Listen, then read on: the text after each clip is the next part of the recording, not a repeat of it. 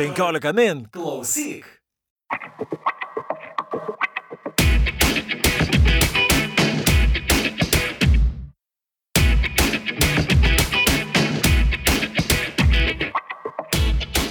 Sveiki, jūs įsijungėte 15 min klausyk podcast apie technologijas ir gyvenimą - Technotronika. Aš esu Gediminas Galkauskas.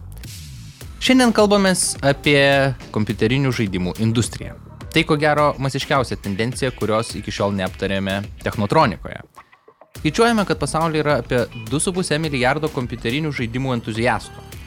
Šiuo metu Facebookas turi 2,4 milijardus registruotų vartotojų. Na, čia, kad maždaug suvoktumėte mastą. Kodėl kompiuteriniai žaidimai taip įtraukia ir kaip tai keičia mūsų pasaulį jau netrukus laidoje, o dabar Technotronikos rėmėjų informacija. Technotronikos podcastą palaiko Startup Lithuania, geriausias startuolių draugas Lietuvoje. O laidos partneris yra Hostinger. Tai pasaulinis ypač greitų web hostingo paslaugų tiekėjas su visą parą veikiančia klientų aptarnavimo komanda. Čia turėsite viską, ko reikia patogiam ir greitam interneto projektų startui bei vystimui, Mūsų klausytojai visoms hostingo paslaugoms gaus papildomą 15 procentų nuolaidą. Ir tai reikia nueiti į hostinger.lt pasvirasis brūkšnys technotronika ir panaudoti kodą technotronika. Ir taip pat primenu, kad technotronikos galima klausytis 15 min klausyk platformoje, o taip pat Spotify, Apple, Google Podcast, Stitcher ir kitose populiariose podcastų platformose. Ir dar viena informacija yra ta, kad tai yra paskutinis šio sezono technotronikos epizodas. Apie antrąjį sezoną galvojame draugę su Startup Lithuania, tačiau kol kas jokių konkretumų pranešti negaliu, bet informacija jūs tikrai pasieks. O dabar prie mūsų šios dienos temos. Kompiuteriniai žaidimai ir e-sportas. Visą tai tiek įsismelkia į mūsų pasaulį, kad Olimpinis komitetas jau dabar svarsto įtraukti e-sporto kategoriją į 2024 m. Paryžiaus vasaros olimpinės žaidynės kaip demonstracinį sportą. Jei taip nutiks, bus dar sunkiau vaikams pasakyti, kodėl jie turi eiti nuo kompiuterio į lauką ir sportuoti. 2018 m. Gaming Industry duomenimis elektroninių žaidimų rinkos vertė buvo 136 milijardai JAV dolerių. Prognozuojama, kad 2021 šios rinkos pajamos gali sudaryti ir 180 milijardų JAV dolerių. Didžiausias variklis šioje industrijoje yra mobilieji žaidimai, jie sugeneruoja beveik pusę industrijos pajamų, antroje vietoje yra konsolės, o trečioje kompiuteriniai žaidimai - PC. O kur dar esporto renginiai, bendruomenės su šia industrija susijusios visuomeninės problemos, tad nieko nelaukdami nerame giliau į žaidimų industriją su Vaidu Mikelsku, vienu iš Game On organizatorių. Sveikas, Vaidai. Labą. Aš tradiciškai mūsų svečių klausiu, kaip trumpai ir paprastai jie paaiškintų, na, ką veikia, na, sakykime, jų startupas, praeivių gatvė arba tiesiog mačiutė kaime. Tai tavęs paklausiu, kadangi mes apie tokią bendrą tendenciją šnekame, apie e-sportą. Tai kaip paaiškinti močiutį kaime, kad e-sportas irgi yra sportas? E, jeigu reikia įsivaizduoti, kad e, šachmatai irgi yra sportas, ar uh, pokeris irgi yra sportas, tai žmonės sėdi prie stalo ir žaidžia žaidimą. Tai šiam sportui sportuoti reikalingas dar papildomai kompiuteris ir tiesiog žmonės sėdi prie stalo ir tą sportą sportuoja, pavadinkim taip. Tai čia kaip koksai jėtis metimas, jėtis, tai yra sporto, ne? Taip. Uh, Jei technologijų dėka keičiasi, kaip mes apsipirkinėjame, keliaujame ar judame mieste, tai sporto pasaulyje technologijos iki šiol kelias skindėsi retai. Netgi VAR automatinė įvarčio nustatymo sistema futbole buvo įdėkta visai neseniai ir vis dar laikoma kontra kontroversiškų sprendimų. Tai, sakykime, e-sportas apskritai atneša labai daug naujų vėjų į gal sporto pasaulį. Aš čia susiradau informaciją, kad pasaulyje e-sporto renginius stebi apie pusę milijardo žmonių.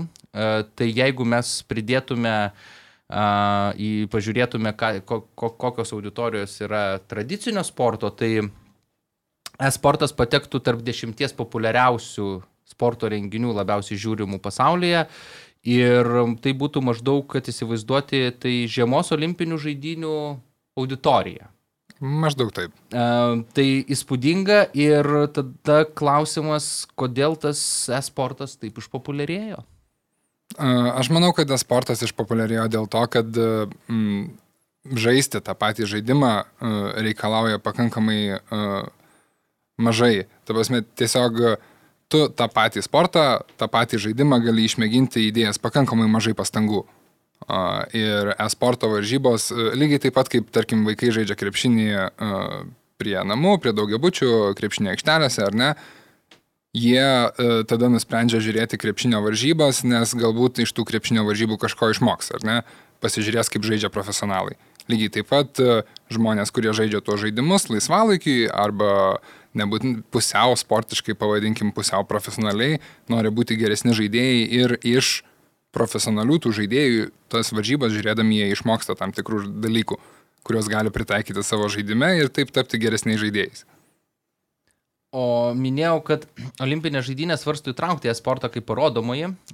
Nieko keisto, kad žvelgiant į skaičius jie taip galvoja, e, nes e, žvelgiant į visus tyrimus, sportas, tradicinis sportas susiduria su tuo, kad na, jaunoji auditorija nelabai domisi e, tomis tradicinėmis sporto šakomis. Tarkim, beisbolas išgyvena Amerikoje krizę. Ir žiūrint į skaičius, kuriuos jau minėjau, kad tai didelės labai žiūrėjimo auditorijos, natūralu, kad domina tas kasnelis ir olimpinį komitetą. Ir dar susiradau informaciją, kad SL, didžiausia sporto kompanija pasaulyje, Uh, jie praėjusiais metais organizavo sporto turnyrą, kuris per porą savaičių sulaukė 174 tūkstančių žiūrovų, gyvų žiūrovų auditorijoje Katovico arenoje, o dar 232 milijonai žiūrovų žaidimo transliaciją stebėjo internetu, kosminiai skaičiai. Uh, ir man klausimas yra, ar e-sportas gali pakeisti tradicinį sportą? Aš nemanau, kad e, kontroversiškas klausimas, to prasme toksai bandymas užkabinti, sakyčiau, nes nereikia taip taikytis, kad turėtų pakeisti, ar ne? Manau, kad e, elektroninis sportas eina kojo kojon su įprastu sportu, ar ne? Tai tiesiog atsiranda nauja sporto šaka. Uh, prie, prieš tai, kai nebuvo krepšinio, niekas nemėtė į krepšį, buvo kitokios sporto šakos, ar ne? Buvo bėgimas, jėtis metimas. Po to atsirado kita sporto šaka kadangi mes e, gyvenam technologiniai visuomeniai ir tas technologijas irgi pritaikome ir naudojame ir su jomis taip pat irgi galime varžytis. Tai todėl atsiranda ir elektroninis sportas dėl noro varžytis. O gali būti taip, kad tiesiog šio laikiniams vaikams ir paaugliams apskritai sportas šiaip bendraja prasme yra įdomesnis, nes nu, bent jau ta tendencija yra apie ką mokslininkai šneka ir čia pačioj pirmoji technotronikos laidoje kalbėjome apie, na, kokį poveikį technologijos turi vaikams, tai kad šiuolaikiniai vaikai nu labai anksti jie su tais telefonais e, susidraugauja ir gali būti tiesiog, kad da, neišvengiamai bus tų tikrų sportininkų, atsiprašau, nors įžeidžiu, bet tradicinių sportininkų mažiau negu e-sportininkų. Tai galbūt šitas dalykas atsiranda dėl to, kad kai tėveliai nori, kad vaikas lankytų kažkokį tai burelį, dažnai dažnas tėvelis renkasi kokį nors sportą, ar kažkokį mokslinį burelį, ar kažkokį kūrybinį burelį. Ir jeigu renkasi sportinį burelį, vis tiek tam vaikui tas burelis yra, vad, tėvai pasakė, tu eisi dziudo, ar tu eisi ten beisbolą žaisti su vaikais, ar krepšinį, į krepšinio uh, aikštelę su kitais savo bendramečiais, tai vis tiek tai yra toksai kaip ne visiems savai. Mes suprantame, bet gali būti šiek tiek prievalė, ar ne? Tai galbūt tų tradicinių sportų nori labiau teveliai, ar ne? Kad vaikas ir fiziškai lavėtų, ir susirastų draugų, ir socializuotųsi, ir galbūt dažnas turbūt lietuvis norėtų, kad sunus būtų krepšininkas ir žaistų komandoje krepšinį. Tai, tai vad sportas tradicinis e, dažnam vaikui ko gero yra šiokia tokia prievalė. Aišku, savame suprantama, vaikai gali mėgautis tuo irgi. Tačiau tai yra vieta, kur tėveliai po mokyklos nuveža arba pats po mokyklos nueina moksleivis, tada tėveliai pasiema po ten valandos ar dviejų užsiemimų ir viskas. Dažniausiai mokykloje su bendraminčiais apie savo tą sport, sportą, tą burelį, kurį lankai, nebus su kuo daug pakalbėti, nebent yra vienas kitas klasiokas, kuris irgi lanko tą patį burelį arba tą pačią sporto šaką. Tačiau žaidimai e, iš kitos pusės yra pramoga. E, ko ne kiekvienas e, moksleivis turi kompiuterį, kiekvienas moksleivis turi telefoną, telefone žaidimai irgi dabar dideli, vienas populiariausių šiuo metu pasaulyje žaidimų veikia ir mobiliajame telefone, todėl yra bendra tema moksleiviams apie ką pakalbėti, ar ne? Ir vis tiek žaidimas nėra prievolė. Nėra nei vieno tevelio turbūt, kuris ateitų, sakytų, kad e, sėdi, žaidi mažiausiai dvi valandas, norėčiau, kad e, pasiektum bent jau tris kartus per tas dvi valandas e, trečią vietą komandoje, ar ten trečią vietą iš visų ten kitų žaidėjų. Taip tiesiog nėra, nes teveliai dar į tą žaidimą nežiūri kaip į uh, kažkokią šaką, kurioje gali vaikas lavėti, ir iš kurios galbūt gali susikurti gyvenimą ir tapti sportininku ar profesionaliu žaidėju. Okay. O kaip yra Lietuvoje? Kokia situacija su e-sportu? Pasaulinės tendencijos aiškios, auga milžiniškai, kiekiai milžiniški, o kaip ta mūsų e-sporto industrija atrodo šalyje? Lietuvoje sporto žaidėjų uh, yra, uh, tikrai yra nemažai talentų, Lietuvos žaidėjai papuola į pakankamai didelės komandas uh, užsienyje, tačiau nors uh, mes, Gimonė, ir stengiamės uh, kažkiek keisti situaciją, Lietuvoje yra labai mažai komandų, kurios susibūrė ilgesniam laikui. Jos gali susiburti kažkokiam vienam kitam turnyrui, pažaisti kartu, pasitreniruoti, pasistengti laimėti prizinį fondą ir tada dažniausiai jos išsiskirsto. Tai nėra, kad e, būtų kažkokia organizacija. Žinoma, yra uh, išimtis, uh, tokia organizacija kaip Žalgeris, krepšinio klubas tiesiog nusprendė, kad nori žengti į skaitmininį amžių ir turėti elektroninio sporto žaidėjus ir elektroninio sporto komandas. Tai turi League of Legends komanda, kuri žaidžia į Lietuvoje, turi Hearthstone kortų žaidimo tokio, jeigu galima prilyginti, tai iš esmės yra kortų šachmatai su fantasy tema ir ten vaikinai keliavo ir į Las Vegasą, ir į Kiniją, į varžybas. Prizinių pirmųjų vietų neužėmė dėja, bet vis tiek kvalifikuojasi ir išvyksta į tokias pasaulinio lygio žaidynės. Lietuvoje mes kartu su Challenger Mode organizuojam Baltic Masters turnyrus, tai yra visų trijų Baltijos šalių turnyrai, kur galima žaisti ir kvalifikuotis ir pasiekti kažką. Tai mes, e, mums pavyko, taip, dabar turime tokią situaciją, kad Lietuvoje Baltic Masters League of Legends e, turnyre žaidžiantys žaidėjai e, gauna kvalifikacinę vietą į Europos European Masters League of Legends turnyrą. Tai yra didelis žingsnis, Lietuvoje anksčiau nebuvo tokios galimybės. Patekti kažkur toliau, kvalifikuotis, tai yra tiesiog laiptelis kažkur nes taip tiesiog nebuvo. Žaidėjų, kas labai įdomu, kad žaidėjų kiekis Lietuvoje, Latvijoje ir Estijoje koneto lygiai priklauso nuo gyventojų skaičiaus. Tai jeigu mes organizuojame varžybas ir susiregistruoja komandos, tai yra toks procentas estų komandų, toks procentas latvių komandų, toks procentas lietuvių komandų. Ir, ir tie procentai beveik lygiai atitinka uh, kiek yra gyventojų šalise. Tai reiškia, kad um, vis dėlto iš tų žmonių yra tų žaidėjų ir jie siekia kažko ir nori būti pamatyti ir pasaulinėse rinkose. Aš e, tik tai paprašysiu papasakoti daugiau apie, daugiau apie e, komandas, nes e, spėju gal ne visi mūsų klausytojai supranta e-sportą, nes man mhm. kompiuterinis žaidimas, aš irgi tai kartoju, kur žaisdavau vienas prie PC ir man, nu, toks asmeninis labai žaidimas. A, kodėl esportas yra komandinis? Kaip tai vyksta? Tiesiog trumpai tiems, kas gal nežino, kas tai, mm, kaip tai atrodo. Nebūtinai Faktai. turi būti komandinis, tačiau mhm. populiariausi žaidimai yra komandiniai, nes uh, juos įdomiau žiūrėti, ar ne? Lygiai taip pat kaip ir tradicinio sporto žaidimus, kur yra komanda, kur yra skirtingi žaidėjai, skirtingos rolės yra žymiai įdomiau žiūrėti, tai lygiai taip pat ir elektroninio sporto varžybas, kur yra uh, daugiau veiksmo negu vienas priešais vieną yra žymiai įdomiau stebėti, ar ne? Nu, bent jau mums Amerikoje gal ten yra boksas, dar kažkas, kur vienas prieš vieną yra, bet tiesiog lygiai taip pat kaip ir tradiciniam sportė, taip ir elektroniniam yra komandos, žaidimai pritaikyti yra, tarkim, League of Legends žaidimas yra pritaikytas penkių žaidėjų komanda prieš penkis žaidėjus. Jų tikslas yra žemėlapyje sugriauti kitos komandos bazę, sugriauti kitos komandos tokią pilaitę, kad tą tikslą pasiektų, jie turi nugalėti tiek priešininkų komandą, tiek e, pakeliui išstatytas užkardas, ten ir bokšteliai, ir siekti įvairių ten skirtingų dalykų, aš gal labai neišsiplėsiu, bet tiesiog turi žaisti geriau už kitą komandą.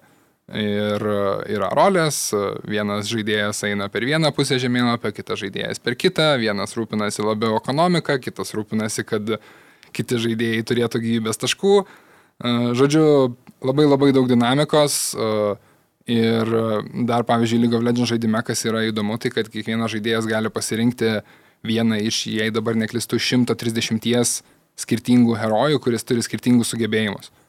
Taip kad e, kombinacijų yra milijonai ir kiekvienos varžybos yra unikalios ir e, žmonės stebi ir žiūri ir grožisi, kaip e, tie e-sportininkai yra įvaldę daugybę skirtingų tų čempionų ir skirtingų sugebėjimų rinkinių.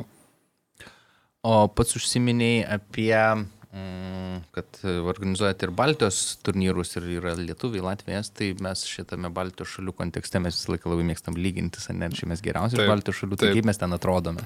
Um, tai uh, vad ką tik visai neseniai įvyko trečiasis sezonas Baltic Masters League of Legends turnyro, mes taip pat turime ir Counter-Strike e, Global Offensive ir Player Unknowns Battlegrounds varžybas, ką tik įvyko, laimėjo uh, lietuvių komanda. Iš visų ir finaluose žaidė irgi dvi lietuvių komandos. Tai žaidė Žalgeris e-sports ir žaidė uh, Ensure komanda. Tai laimėjo Ensure. Uh, aš iš Kauno, tai sargau Žalgerį, bet dėja, dėja nepavyko, ką padarysi, bet vis tiek džiaugiamės, kad papolė lietuviai. Tačiau lygiai taip pat toje komandoje irgi pagal taisyklės gali būti uh, svečių iš svečių šalių. Ta prasme, kad gali atsivežti, nors komandos pagrindas yra lietuviškas, mhm. bet vis tiek gali turėti... Legionierių. Legionierių, taip. Tai e, turėjo komandos e, legionierių ir, ir taip pat yra samdomi treneriai komandoms, kurie patarė, rūpinasi ir komandos, e, pavadinkim, psichologinę gerovę ir taip pat bando uh, įtikinti juos, kad jie šiandien būtinai laimės e, ir taip toliau. Žodžiu, užpildo visas, visas funkcijas, kaip ir tradiciniam sporto treneris užpildytų. Ten galima įti minutės per traukėlės? Kai kuriuose žaidimuose taip. Okay. Ne visuose.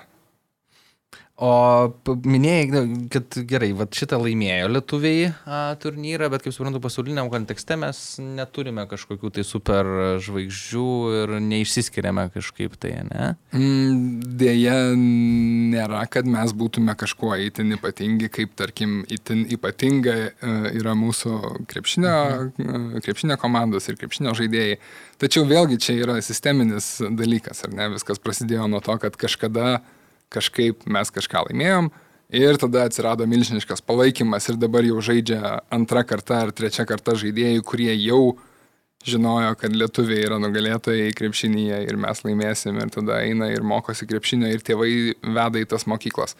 Tai lygiai taip pat, jeigu kaip po, tarkim, po meilutytės atsirado daugybė baseinų, visi vaikai plaukt moka ir, ir taip toliau, tai galbūt vat, irgi reikėtų kažkokios tokios didesnės pergalės, tačiau nu, tokios pergalės nu, nenutinka labai dažnai, ar ne, netyčinės, pavadinkim taip, neprognozuojamos pergalės. O tai ko reikia šiaip, kad atsirastų tų aukštos klasės profesionalių sportininkų, ar tai yra kažkokie tai, nežinau, kiek tai yra įgūdžių žaidimas, kiek tai yra talento žaidimas ir galų gale ar tam reikia kažkokios tai specialios na, infrastruktūros ar galimybių treniruotis. Nu, sakykime, tai kodėl mūsų Lietuvos futbolas uh, yra ten, kur yra, beje, mes įrašinėjame šitą uh, epizodą antradienį, kai vakare žais lietuviai su portugalais ir prieš Cristiano Ronaldo, tai uh, jo, tai, tai labai mm, jaučiu, kad skaud, skaudės vakare, bet uh, pas mus, vat, tarkim, su futbolu viskas aišku. Portugalai išbėgs ant plasmasinės dangos, pas mus nėra infrastruktūros, sistemos nėra, kad vaikai e, sportuotų, bet kaip, nu, ir, ir, ir nėra strategijos. Klausimas, ar čia gali būti kažkokia strategija, ar, ar, ar reikalinga kažkokia tai speciali infrastruktūra, ką, ko reikia, kad atsirastų tie. Taip, taip, visiškai taip. Reikalinga lygiai tas pats, kas reikalinga ir įprastam sportui, ne? Nes, ta prasme, turi būti ir tėvų palaikymas šeimoje, ar ne? Mhm. Turi nebūti tas, kad, a, tu čia žaidži prie kompiuterio, va, va, va, nu, to, tokio dalyko, nu, jeigu vaikas išreiškia norą, kad jisai sako, kad aš noriu tai daryti profesionaliai, aš noriu kažko siekti. Tai yra mano tikslas, ar ne? Ir, bet aišku, vėl vaikas pats turi išreikšti tą norą, ar ne? Lygiai taip pat kaip pasakyti tėvams, kad mano klasiokas čia gal krepšinį lanko, aš irgi gal norėčiau. Bet kai vaikas pasako, kad mano klasiokas krepšinį lanko, aš irgi norėčiau, tai yra, jo, taip, visiškai, eik ir lankyk savo draugų krepšinį. Jeigu vaikas pasakytų, o čia mano draugas profesionaliai žaidžia kompiuterinius žaidimus, tai nu, tėvai visiškai kitaip reaguotų. Tai turbūt pradėti reikia nuo šeimos, pradėti reikia nuo suvokimo, kad tai irgi yra atskira šaka, atskira rinka ir ten irgi yra žaidėjai, ir priziniai fondai, ir milijonai, ir palaikymas, ir tūkstančiai fanų, viskas lygiai taip pat kaip tradiciniam sportui. Bet čia tikriausiai vienas iš tų pavyzdžių, kaip technologijos atėjo greičiau į mūsų kasdienį gyvenimą ir, sakykime, taip, tėvai na, nėra pasiruošę, kad tai yra sportas. Tikriausiai absoliuti dauguma, išskyrus pačius gamerius, negalvoja, kad tai yra sportas, nu, sakykime, tėvai, seneliai ten ir, ir visi, kam daugiau negu, ko gero, 30 metų, gal ir 25, kad, nu, tai, tai, ne, tai yra labiau, nu, tiesiog vat leidžia laiką prie kompo, švaisto savo laiką, ne, tai klausimas, e, vat pats sakai, kad e, reikėtų, na, mm, edukuoti ir auklėti tėvus, bet kaip tai padaryti, ko reikia, kad e, tėvai suprastų, kokiu priežasčiu, Kas viena, ir kokių priemonių turėtų imtis? Viena iš tų priemonių, žinoma, yra informavimas, ką mes čia mhm. dabar dviesiai sėdim ir darom. Mes kalbam apie tuos dalykus ir galbūt kažkas pasiklausys ir pagalvos, ha, čia mano sunus žaidžia ir visai neblogai ten jam sekasi ir jisai džiaugiasi, galbūt reikėtų pagalvoti apie tai, ar ne? Uh, tai tiesiog reikia informuoti, kas tas yra, kaip tai veikia, su kuo tai valgoma. Uh, ir tada bus geriau turbūt, bet ilgainiui bus geriau. Nu, neatsiranda niekas iš karto. Um, ta prasme, mes turėjome savame suprantamą, galima dalinai kaltinti ir sovietinį palikimą, ar ne, mes vis dėlto prie vakarietiško pasaulio prisijungėme šiek tiek vėliau, uh, lygiai taip pat kaip prie žaidimų irgi prisijungiama mūsų visa industrija, prisijungė šiek tiek vėliau. Tai galima skaičiuoti, kad du dešimtmečius, vieną dešimtmetį vėliau atsirado tokie, apskritai mes suvokiame, kad tai egzistuoja, ar ne? Todėl irgi mūsų ir žaidimų kuriejai yra, pavadinkim taip, šiek tiek netokie, kokie yra visur kitur, ar ne? Nes mes dar nepavyjome. Mes vejamės, mes tikrai sparčiai žingsniais bėgame į priekį, bet yra kaip yra. Tu jau sugrįšime prie pokalbio su Vaidu, vienu iš Gaimon organizatorių, dabar trumpa informacija. Jei išklausai tiek, greičiausiai tau patinka ne tik tema, bet ir podcastai. 15 min klausyk mobilioje programėlėje gali rasti daugiau podcastų. Parsisius 15 min klausyk iš App Store ar Google Play. Arba įsijung 15min.lt pasvirasis brūkšnys klausyk savo kompiuteryje.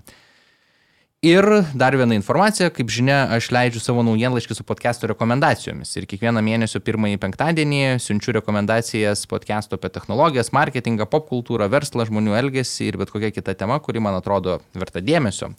Daugiausiai podcast'ų būna anglų kalba.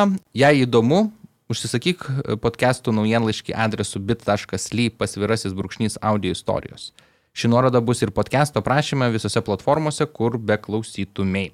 O dabar grįžtame prie pokalbio su Vaidu ir kitas dalykas apie sportą, kuris man yra labai įdomus, tai yra ne pats e-sporto žaidimas, bet tas fenomenas, kad žmonės masiškai žiūri, kaip žmonės žaidžia. Ir aš gal esu tos kartos, kur aš suprantu, kodėl žmonės eina į futbolo stadionus, ten šimtais tūkstančių, bet man tas visą laiką, kai aš žaisdavau kompiuteriu ir, kaip pavyzdžiui, netgi kokią kompiuterinę nueini interneto, tada būdavo kavinės, kur dar susirenka hebra žaisti. Tai būdavo pats nuobodžiausias dalykas žiūrėti, kaip kažkas žaidžia. Nu, tai nes tu dieve, eik greičiau nuo to kompo, aš noriu pažaisti. Aš esu antrasis brolis, tai aš puikiai suprantu šitą jausmą.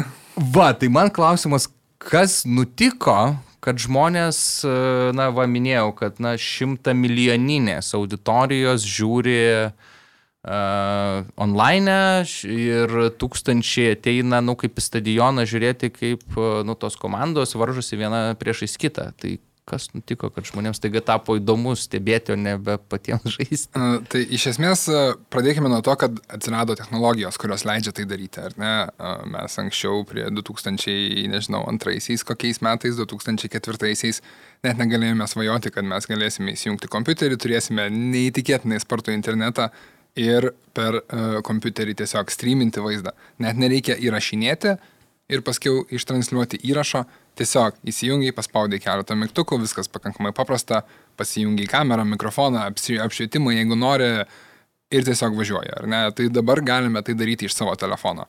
Dabar yra netgi telefonų, kurie turi funkcijas, kad jeigu tu žaidi per telefono žaidimą, yra papildomi priedėliai, kur tiesiog gali streaminti per telefoną jau kaip žaidži žaidimą.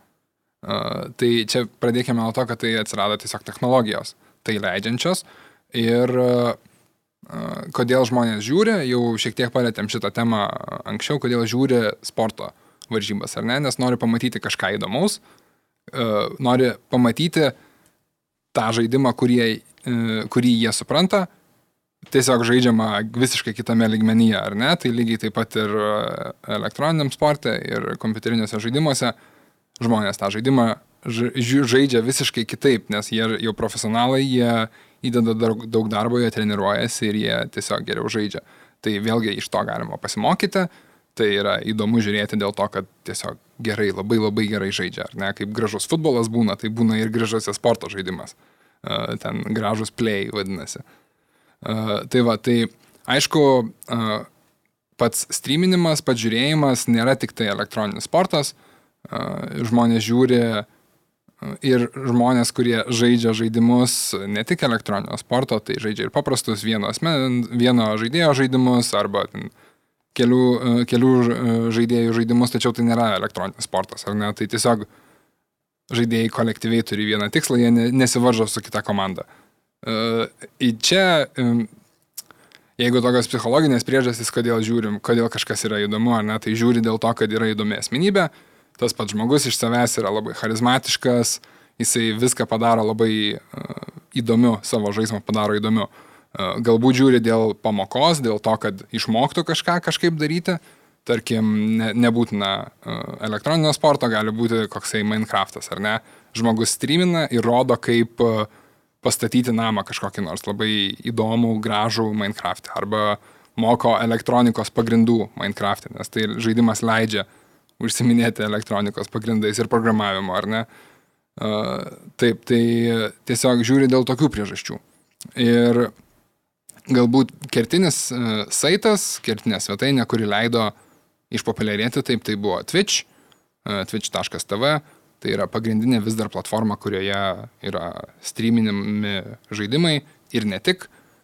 Ir aišku, kitos platformos irgi bando atsikasti, atsikasti kasnelį šito pirago, nes vis dėlto, um, jeigu tas žaidėjas, kuris uh, streamina žaidimą, uh, jam kaž, iš kažko reikia valgyti duoną, ar ne, jeigu, dar, jeigu tai yra jo darbas, tai jisai duoną valgo iš žemėjų, jisai duoną valgo iš uh, kažkokių tai um, reklamos uh, perspektyvų, ar ne, ir jisai duoną valgo iš to, kad žaidėjai, uh, žiūrovai gali uh, jam uh, jį paremti, ar ne? Tai yra, tarkim, subscribinimo modelis, kad tu gali matyti turinį, uh, kurio nespėjai pažiūrėti gyvai uh, ir uh, tada tu susimokai kažkokią sumą pinigų kiekvieną mėnesį. Uh, Čia kaip žaidėjų Patreonas.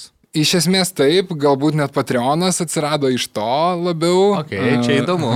Na, nepaisant to, kad Patreonai buvo Graikijoje, ten ar Romoje ir už meną mokėjo pinigus, tačiau uh, Taip, tai tiesiog yra įvairūs modeliai, ar ne, kaip galima gauti pinigų iš to streaminimo ir jo, tai taip ir veikia reikalai.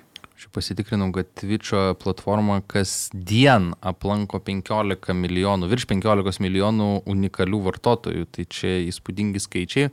O kokie žaidimai tarp žiūrovų yra populiariausi?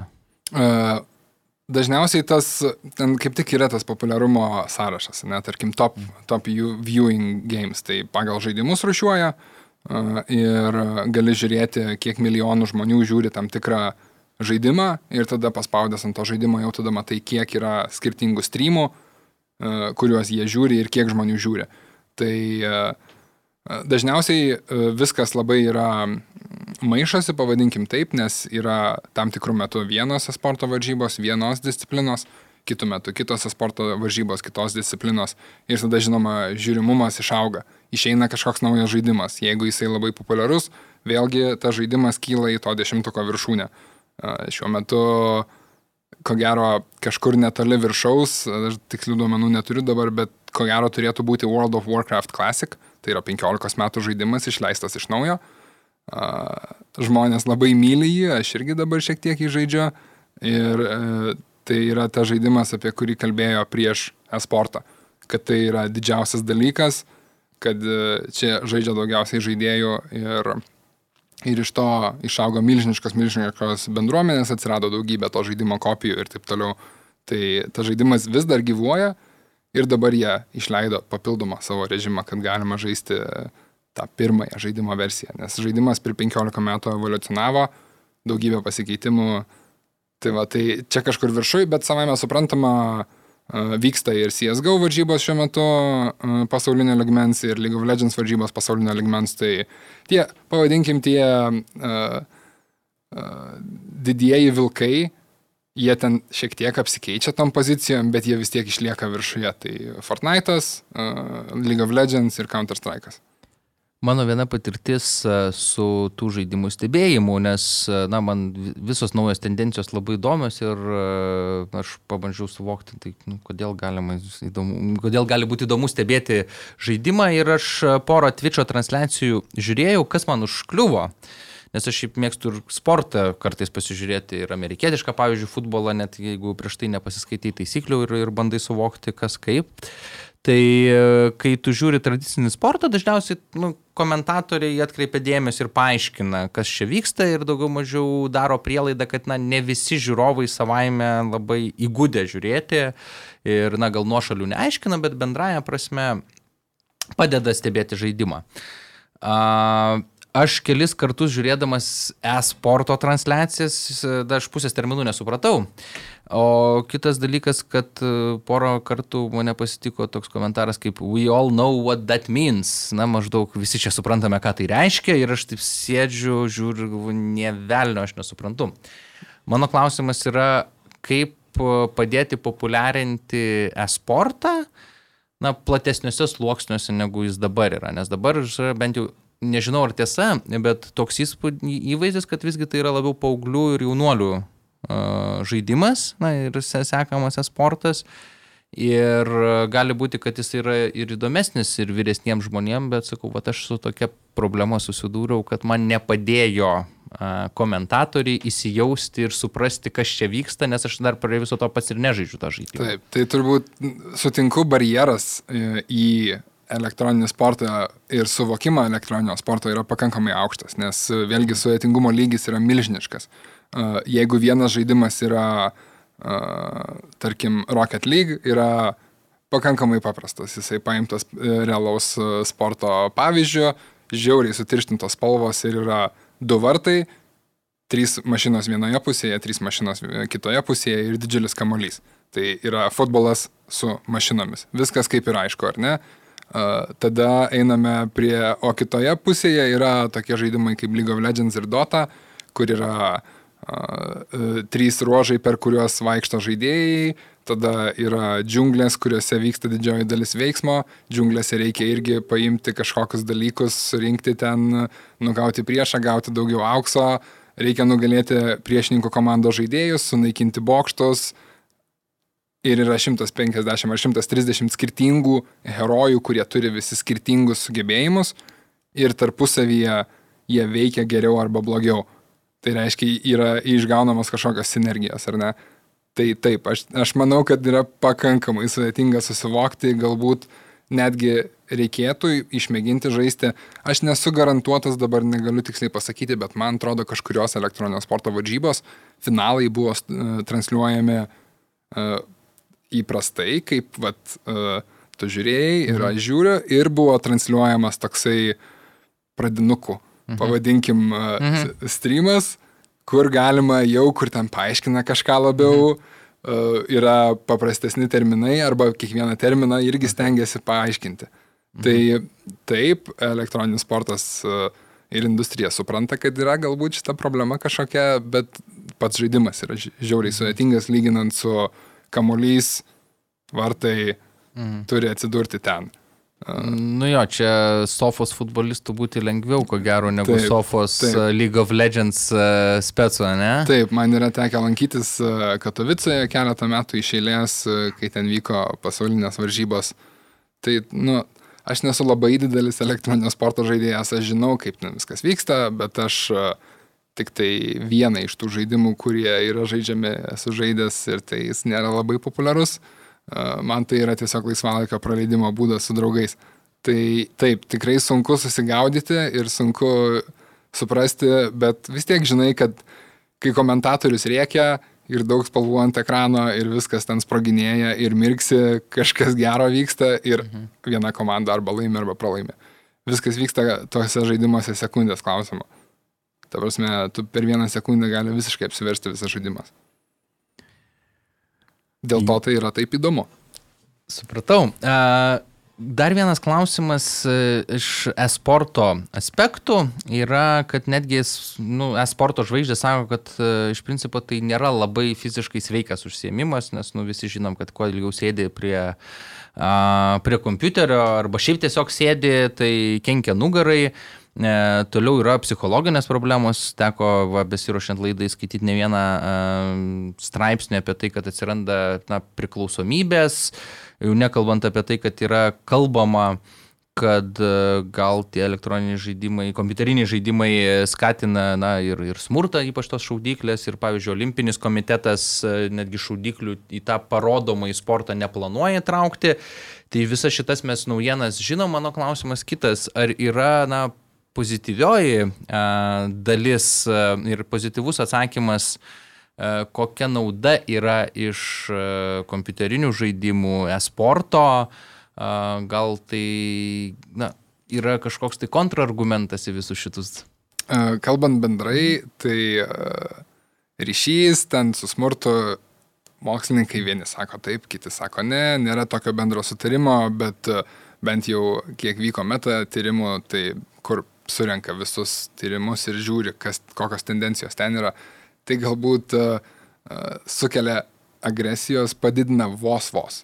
Tai tavasme, geriausiu atveju, blogiausiu atveju vos vos padidina uh, žmogaus agresijos lygį, tačiau uh, ten, kalbant apie smurtą, ypač Ameriką, mhm. tai nėra pagrindinis dalykas, tiesiog žaidimai yra labai lengvas dalykas apkaltinti, ar ne, nes nėra visiškai aišku, nėra tiek daug ištirta.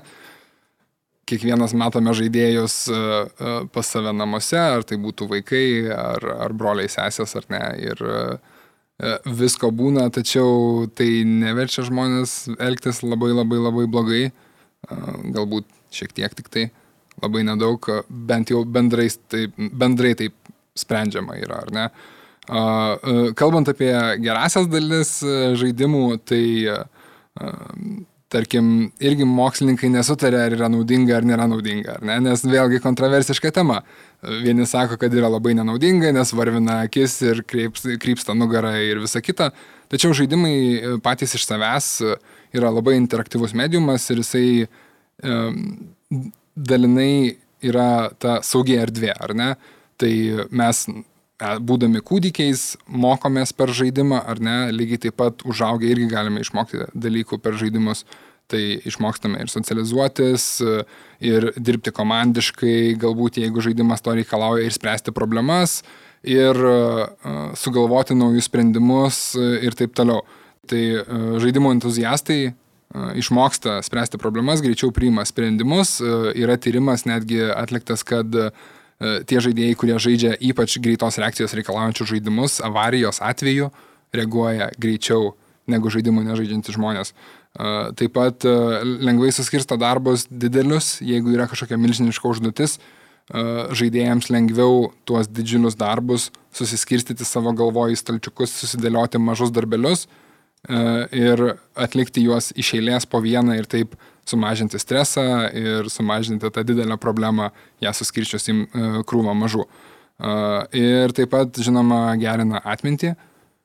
Yra tyrimų, kur ypač senyviems žmonėms rekomenduojama žaisti kokį nors atmintį lavinantį žaidimą, kokį tai pusvalanduką ar 20 minučių kiekvieną dieną ir gerina atmintį.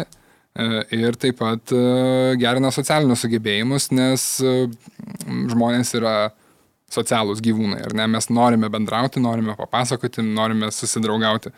Tai lygiai taip pat žaidimuose mes komandiškai dirbame, padedame vienas kitam ir išmokstame bendrauti ir yra lengva erdvė bendrauti, todėl kad tenai internete, pavadinkim taip, mes neturime pusės viso bendravimo, ne? Mes neturime kūno kalbos, mes neturime mimikų, mes neturime intonacijos dažnu atveju, nes bendraujame tekstu, dabar galbūt daugiau bendraujame tik tai balsu, ar ne? Tai reiškia, mes nematome to kito žmogaus, tai mums padeda šiek tiek įgauti ir empatijos, nes mes neteisėme jo pagal jo išvaizdą, pavyzdžiui. Tai socialus aspektas žaidimų yra tikrai labai labai įdomi ir plati tema iš tikrųjų. Aha, čia aš dabar klausau, čia visa 21 amžiui reikalingų įgūdžių kalvė gaunasi čia. Uh, ir link pabaigos judant, kaip žaisime ateityje? Kaip ta, kur ta industrija eina? Jeigu technologiniu aspektu, tai turbūt žaisime debesyse, ar ne, debesų technologijose jau dabar yra pristatomi sprendimai tokie kaip Google Stadia, kur tau nereikia turėti jokios galingos mašinos, kuri pavežtų tą žaidimą naujausią, viskas veikia kažkur Google serveriuose, kurie yra išmėtyti po visą pasaulį ir tau signalas ateina, ar ne, lygiai taip pat kaip Netflixas ateina Tai tik tai, kad ten tu signalą siunti dar ir pirmin, kad tavo veikėjas eitų ten, kur tau reikia. Um, tai va, bet iš esmės turbūt dirbsime, žaisime mes daugiau, dėl to, kad ateityje mes dirbsime mažiau. Todėl, kad automatizacijos visokie dalykai atsiranda ir kuo toliau, tuo daugiau žmonių turės daugiau laiko. Kai žmonės turi daugiau laiko, jiem reikia kažką veikti, jie nori pramogauti, žaidimai yra milžiniška industrija pramogų, pati didžiausia todėl žaisime žaidimų daugiau ir turbūt žaisime kolektyviau, pavadinkim taip. Turbūt žaisime daugiau grupėse, kad tai būtų ir maža grupė. Manau, kad turėsime technologijų ir dabar jau matome tokių technologijų, kaip tarkim kartais susirenka, ten būna stalo žaidimų vakaras, ar ne? Tai kuo toliau, tuo dažniau išvysime tiesiog žaidimų vakarą, ar ne, kur susirenka kompanija, uh, atsineša užkandžių, gėrimų galbūt ir jie kartu bendrauja, socializuojasi ir sprendžia kažkokias problemas. Ne tik tai ant stalo, stalo žaidime, tačiau ir žaisdami kompiuterinį žaidimą, kad ir koks jisai būtų, ar tai yra projekcija, ar tai yra vaizdinys į sąmonę, ar dar kažkas, čia jau galime palikti turbūt mokslinės fantastikos autoriams šitą dalyką išspręsti. Ir jeigu klausytojams reikėtų patarti niekada nežaidusiam, a, iš dabartinių e-sporto žaidimų populiarių, kurį pirmą rekomenduotum išbandyti pradinukui, tam amatorui? Aš turbūt priklausomai nuo žmogaus pomėgio, aš rekomenduočiau vieną iš dviejų. Jeigu žmogus labiau mėgsta loginius sprendimus ir gal pavadinkim taip, jeigu žmogus žaidžia šachmatus, tai jam turbūt įdomiau būtų žaisti kortų žaidimą Hearthstone, nes arba tiesiog galima įrašyti HS game, tikrai susirasit, yra kortų žaidimas, kur varžaisi prieš kitą žmogų, galima žaisti telefone ir lovoje, ir tualete, ir kur tik tai nori. Tikrai labai geras žaidimas ir atpalaiduoja, mano draugė žaisdama užmiega apskritai. Uh, Bet, o jeigu labiau mėgsti futbolą, labai rekomenduočiau išmėginti Rocket League. Raketų lyga tai yra žaidimas, kur yra ir futbolas, ir hokėjus pasirinktinai nuo žemėlapio, trys automobiliai prieš tris automobilius, raketos, šokinėjimai, daužimais į vienas į kitą ir didžiulis kamolys. Ir atrodo įspūdingai, yra pakankamai lengvas žaidimas, lengvai suvokiamas, nes yra kamolys ir vartai viskas labai paprasta ir nuo to galima pradėti. Puiku. Tai buvo Vaidas Mikelskas, vienas iš Gaimon organizatorių. Ačiū Vaidai. Ačiū labai. O aš primenu, kad Technotronikos podcastą palaiko Startup Lithuania, geriausias startuolių draugas Lietuvoje. Laidos partneris yra Hostinger, pasaulinis ypač greitų web hostingo paslaugų teikėjas su visą parą veikiančia klientų aptarnavimo komanda. Ir Hostinger mūsų klausytojams siūlo 15 procentų papildomą nuolaidą, tai reikia nueiti į hostinger.lt pasvirasis brūkšnys technotronika ir panaudoti kodą technotronika. Ir kaip jau minėjau, tai buvo paskutinis pirmojo technotronikos sezono epizodas. Ačiū, kad klausėtės ir labai tikiuosi, kad buvo vertinga ir įdomu. Apie antrąjį sezoną galvojame, labai norėčiau suteikti daugiau informacijos, bet kol kas dar yra truputį per anksti. Dar kartą ačiū, kad buvote drauge, o trumpai primenu, kad šio ir ankstesnių Technotronikos epizodų galima klausytis 15 min klausyk platformoje, o taip pat Spotify, Apple, Google Podcast Teacher ir kitose populiariose podcastų platformose. Tiek šiame epizode ir pirmajame Technotronikos sezone. Ačiū ir iki.